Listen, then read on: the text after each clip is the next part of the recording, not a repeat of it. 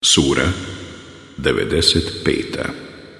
التين Smokva Mek 8 ajeta بسم الله الرحمن الرحيم U ime Allaha Milostivog Samilosnog والتين والزيتون Tako mi smokve i masline وطور سينين I Sinajske gore وهذا البلد الأمين I grada ovog Sigurnog لقد خلقنا الإنسان في أحسن تقويم Mi čovjeka stvaramo U skladu najljepše ثم رددناه أسفل سافلين Zatim ćemo ga u najnakazniji lik vratiti إلا الذين آمنوا وعملوا الصالحات